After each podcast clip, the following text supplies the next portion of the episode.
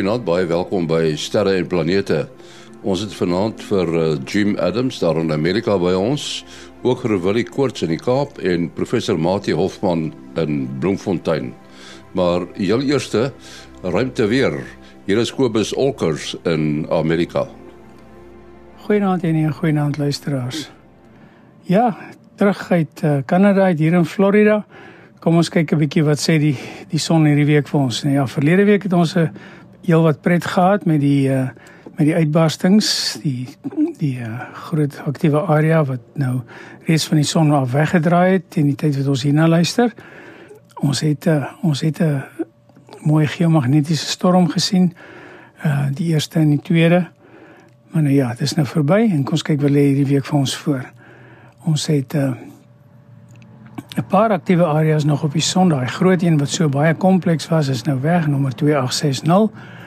Uh die wat oor is is is baie mooi. Hulle is redelik groot, maar hulle is hulle is mooi ehm uh, magneties mooi mooi goed uit uitgelê. En uh ons kan gaan dus nie hierdie vreeslike magnetiese spanning skryf wat opbou wanneer ons die uh, die pole so kruis met mekaar nie. Ehm um, So ek verwag nie enige groot uitbarstings nie. Daar's wel 'n filament wat uh, besig is om energie op te tel. Hy is in 'n geo-effektiewe posisie op die oomblik en as hy as hy uh, uitbars dan kan dit vir ons nog 'n klein fakkeltjie gee, maar dit is dit is 'n dis 'n ander tipe fakkel en ons behoort nie probleme van hom af te hê wat ons apparate aanbetref nie. Dan wat ons ehm um, koronagate betref, daar's een wat nou sopas geo-effektief geraak het. Hy sit in die, in die suidelike halfson rond van die son en hy het 'n lang sleurt wat so afgaan tot by die pool so skuins af en ons gaan nog so redelik van hom weet in die agtergrond so vir die volgende paar dae. Uh, ten minste tot so donderdag se koers dis sou ek sê. Die stereo satelliet sê vir my ehm uh, dat hy selfs uh, eentjie agter die agter die rand van die son nog in is en dis het ons 'n hele paar dae van hom af en enigste probleme mense wat daarmee probleme gaan hê is die mense wat met lang afstand uh, kortgolf radio werk.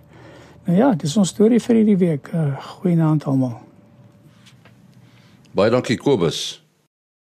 Ons het uh, vanaand soos elke eerste Sondag in die maand vir uh, Jim Adams daar in Amerika by ons. Goeienaand Jim. Goeienaand, Henny. Hy praat al goed Afrikaans. En ons het ook vir Willie Koorts. Goeienaand Willie. Hallo daai kant. En dan uh, vir Mati Hoffman. Hallo Mati. Uh hallo Henny. Hello Jim and Willie. Hello. Hallo. Right, we're going to talk about something interesting this evening and that's the James Webb uh, Space Telescope. Uh, why are we talking about that? It's due to start its journey down to French Guiana, where it will be launched. And I think the obvious question, uh, Jim, in the beginning is why there and not in the US? Ah, yeah. Well, it's a good question. So, part of the partnership between NASA and uh, the European Space Agency to make this telescope included the Europeans supplying the launch vehicle. Well, the primary workhorse launch vehicle for Europe is the Ariane, and the Ariane launch site is in French Guiana. Why French Guiana? And it's because if you think about Europe, they don't really have any clear zones facing eastward, which is the direction you want to launch if you are um, going into an orbit that isn't polar around the Earth. You generally don't launch westward because you lose the energy from the spin of the Earth. So, so the French uh, Ariane company set up a launch base as close to the equator as they could, and uh, and launch eastward from French Guiana. And you know, we all know the Hubble Space Telescope. It's been there for quite a while.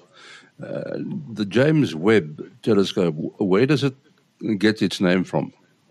Yeah, so James Webb was the NASA administrator uh, just as the agency started, which was like 1958 ish, I think. I, I, don't remember the exact date when the agency started, but James Webb was the administrator of NASA from 1961 to 1968.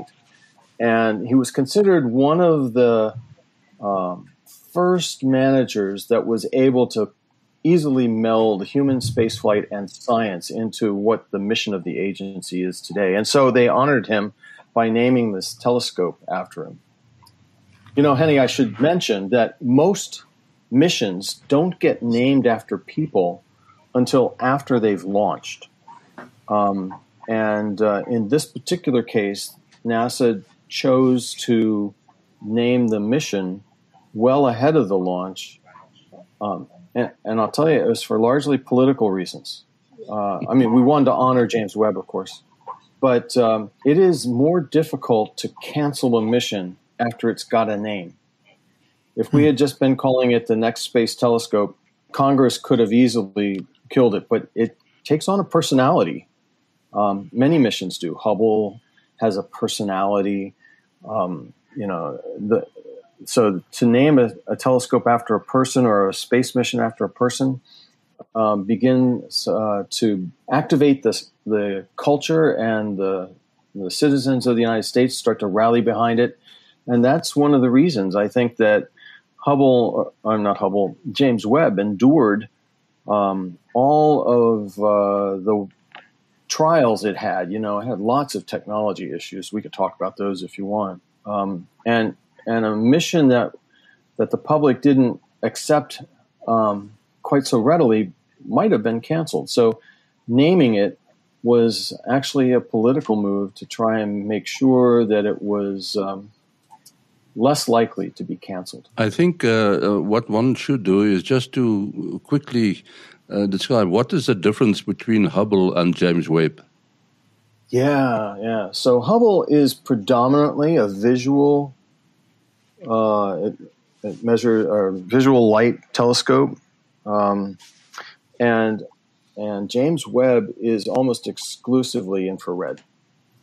And so the idea of being able to look at the universe in the infrared in a zone where they can keep the spacecraft very, very cold, that will help us to uh, use it as kind of a time machine, if you will, right? It, we will be looking back into the start of the universe, like on the order of 300 million years after the Big Bang.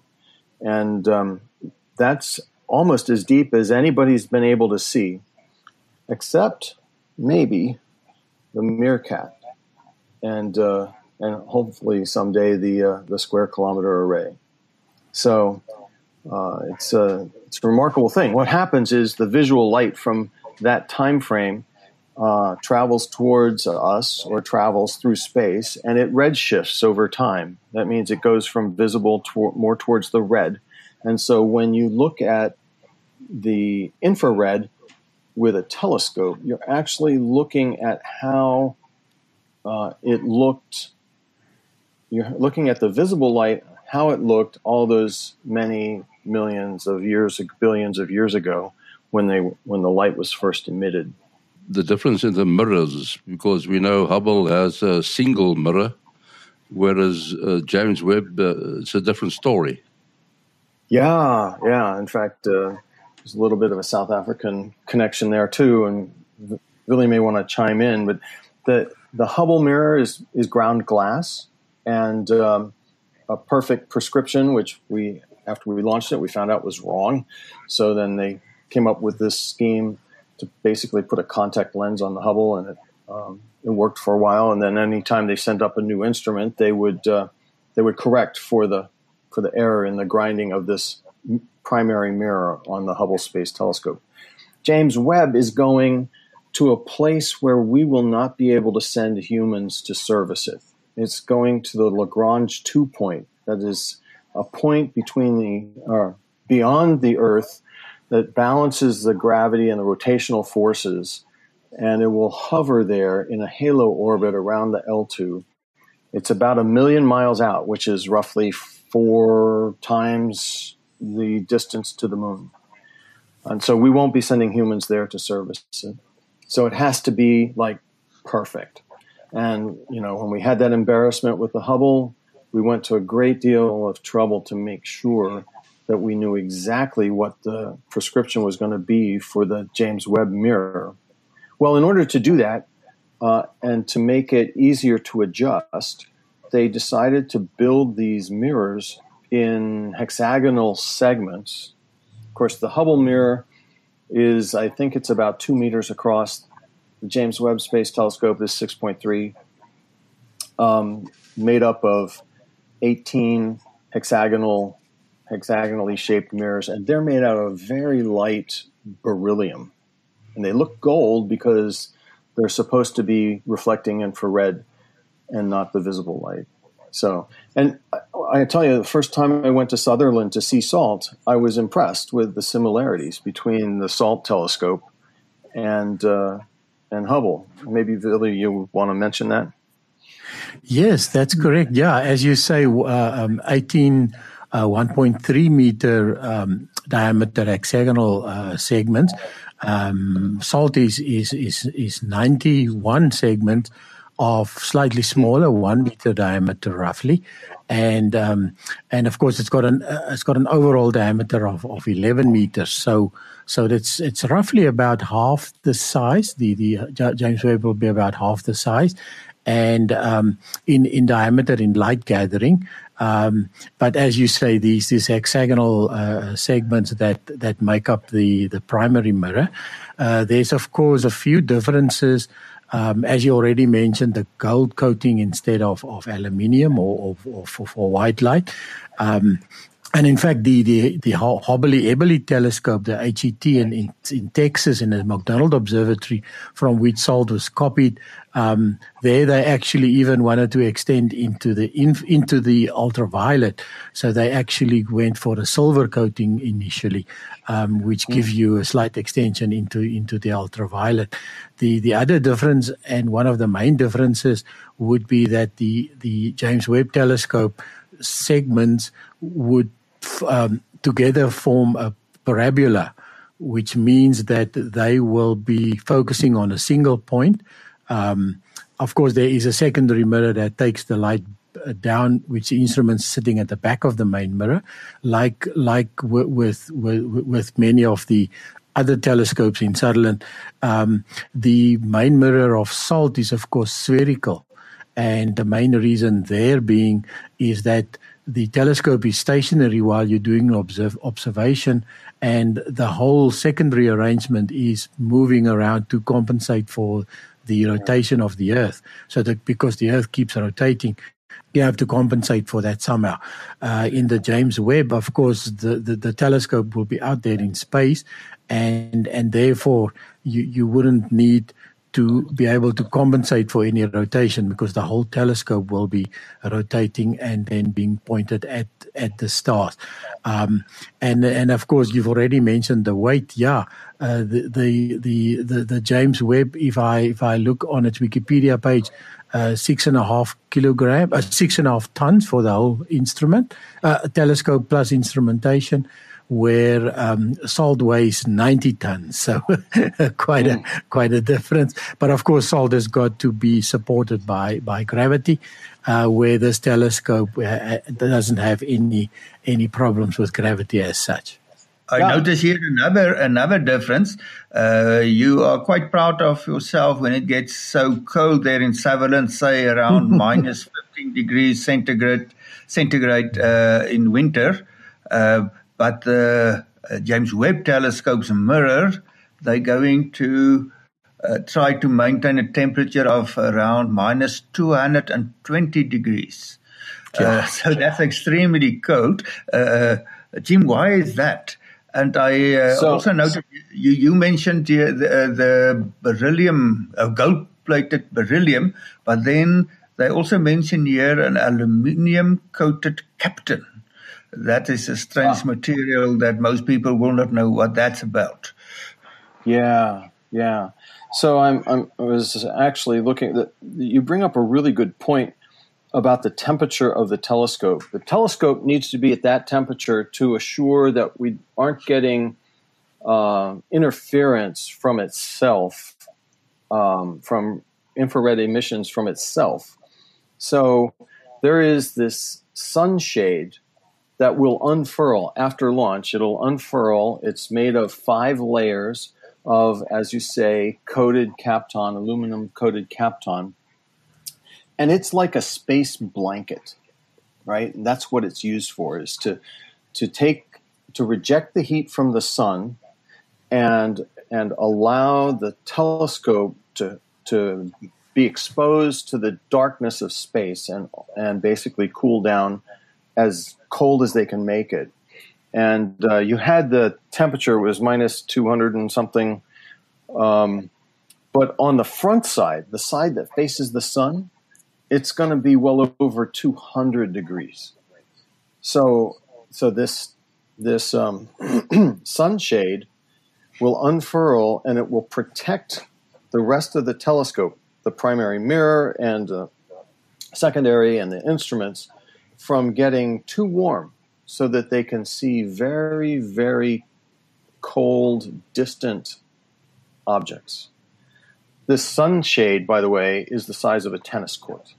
Hmm. Um, that, in and of itself, is a huge challenge. But also, the idea of building a spacecraft that's so very hot on one end and extremely cold on the other end was also an enormous challenge, which is why it took over 20 years to develop this telescope.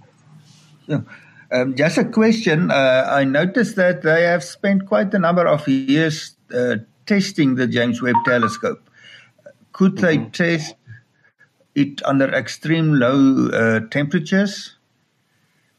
They they did uh, put it in a thermal vacuum chamber, and they got it very very low. You know, they can run um, liquid nitrogen through the walls of the vacuum chamber and get it extremely low. I, I don't know if they actually got to the the final temperature that it'll reach on orbit. They probably did. They can use liquid nitrogen. They can also use liquid helium if they need to. So uh, it becomes a, a, thing where they um, they adjust the test regime so that, that they are testing it like it flies. And I believe they probably did get it that cold for a period of time. Um, it spent months inside the vacuum chamber down at um, Johnson Space Center in Texas, which is unusual for a telescope or for a uh, spacecraft. Usually, we want to get in and get out of the vacuum chamber as quickly as we possibly can. And they spend about two weeks, but this one spent months in that chamber. Yeah, of course, it was obviously lessons learned from uh, Hubble Space Telescope as well. The te- telescope mm-hmm. wasn't, um, although they tested the individual bits, they they never tested the whole t- telescope complete. Yes. And uh, that was a, a bit of a lesson learned. There it was the the most accurate, the most um, uh, uh accurate mirror ever made as far as surface um, uh, uh, finish was concerned, but the whole thing was slightly out. So it's like setting yeah. your your your clocks. Um, uh, hour hand exactly, but the second hand is wrong or something like that. yeah, that's that's exactly right. And do you know uh, one of the other things that isn't getting a lot of um, talk about these days? I think mostly because we've just pretty much forgotten about it. Is in the back of each of these um, segments, these hexagonal mirror segments, there is an actuator that has the capability of deforming the mirror just a little bit. Okay. So that so that if for some reason the prescription of the mirror is off or it, you know it's just not reflecting correctly, they can they can change the shape of the mirror of each of the individual mirror segments just a tad hmm. so that they can um, try and recover from a problem like they had with the Hubble Space Telescope. Hmm. Jim, were you involved uh, in any way uh, w- with the uh, James Webb Telescope? Well, in 2020, I was part of a technology development team that was looking at options for um, for new mirror types. We knew we didn't, we couldn't use the mirror that was going to be or that had been used for the Hubble Space Telescope. We needed something much much lighter, and obviously in the infrared. And so I was part of a uh, technology development team that was looking at those options. But from there, I got into, involved in solar physics and planetary science and technology, and really never came back to Hubble except to be on a few review teams while I was at headquarters. Yeah. Uh, you said you said 2020. You, you probably mean, but earlier. I'm sorry, 2000. 2000. Thank you very much. Yeah, yeah, yeah. I was retired in 2020. okay. Yeah. Uh, and, you know, speaking of 2020, it's a remarkable thing that these guys were able to complete such a uh, mammoth undertaking of integrating the spacecraft and testing it, all while dealing with COVID restrictions and travel problems and uh, you know just everything that we were dealing with um, in 2020. I mean, these guys deserve a, round of applause for that. That's for sure. Yes, uh, talking of, of the people that will be operating the telescope, I know the Hubble is operated by the Space Telescope Science Institute uh, in uh, Baltimore. Is it the same crowd? Same crowd. These guys are these guys are looking forward to uh, operating that telescope. They've been waiting for it a long time, and um, they're looking forward to getting the science back. And the, the Space Telescope Science Institute is like the premier place to go to get Hubble data, Spitzer data, and now James Webb's James Webb data. So. Mm-hmm. The type of observations uh, that we can look forward to. Uh, um, the Hubble telescope is famous for among many other things. Uh, it's Hubble Deep Field, Hubble Ultra Deep Field. Can we wait for a James Webb Deep Field? I, I, I believe so. I think you guys are going to just, we're to just going to be totally amazed. And, you know, it, that's the cool thing about the job that we all do is uh, every time we look into the universe that we're in, we see something amazingly different. And it doesn't matter if you're going to Mercury or Venus or Mars, or if you're looking at stars in the Milky Way or stars in galaxies beyond. It's always different and just absolutely stunning. Makes us question, you know, how did we get here? You know? yes, I always say, uh, Jim, that uh, the, the space we know now of is the result of insight on the one side and then instruments on the other side. If you develop instruments, it can make space bigger, is it? You know, it's interesting. I, I can relate this to sort of Mars. You know, there was this fella named uh, Lowell who made some observations of Mars with a rudimentary telescope. And he surmised, using his instinct and his intuition, that these features that he saw on Mars uh, were filled with water and he hmm. presumed that Mars was very much like Earth when he was making the measurements. And of course, we get there, and it's not like that at all. It may have been like that, but it isn't like that today. And so there's not these canals with water flowing like he had envisioned. And and we find that out as technology evolves, right? So we when as a scientist you see something, you try and classify it along with something you already know.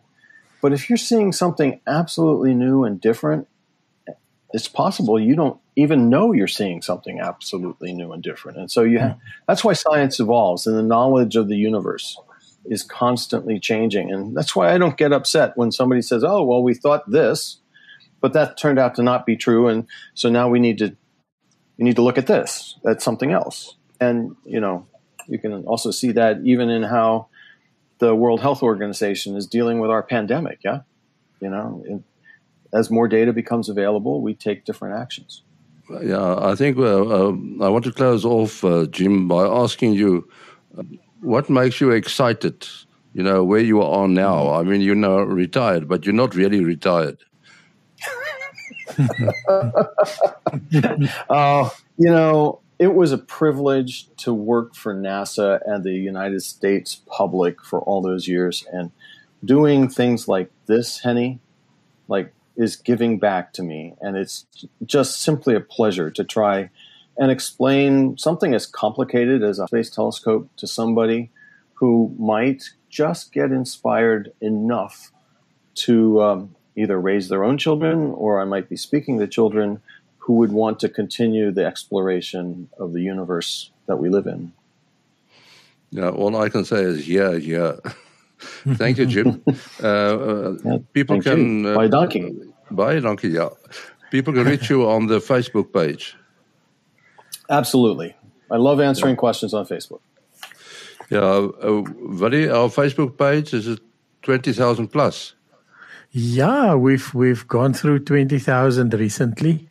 20,000 members and uh, people are still relatively well behaved and and uh, nice lively discussions and and so forth yeah yeah it's it's it's going pretty well there yeah yeah jou uh, besonderhede Ja, mense kan bel SMS WhatsApp op 0724579208. 0724579208. Mati? 0836257154 0836257154 En dan die eh, program se e-posadres is sterreplanete@gmail.com sterreplanete@gmail.com Ons sê totiens tot volgende week. Alles van die beste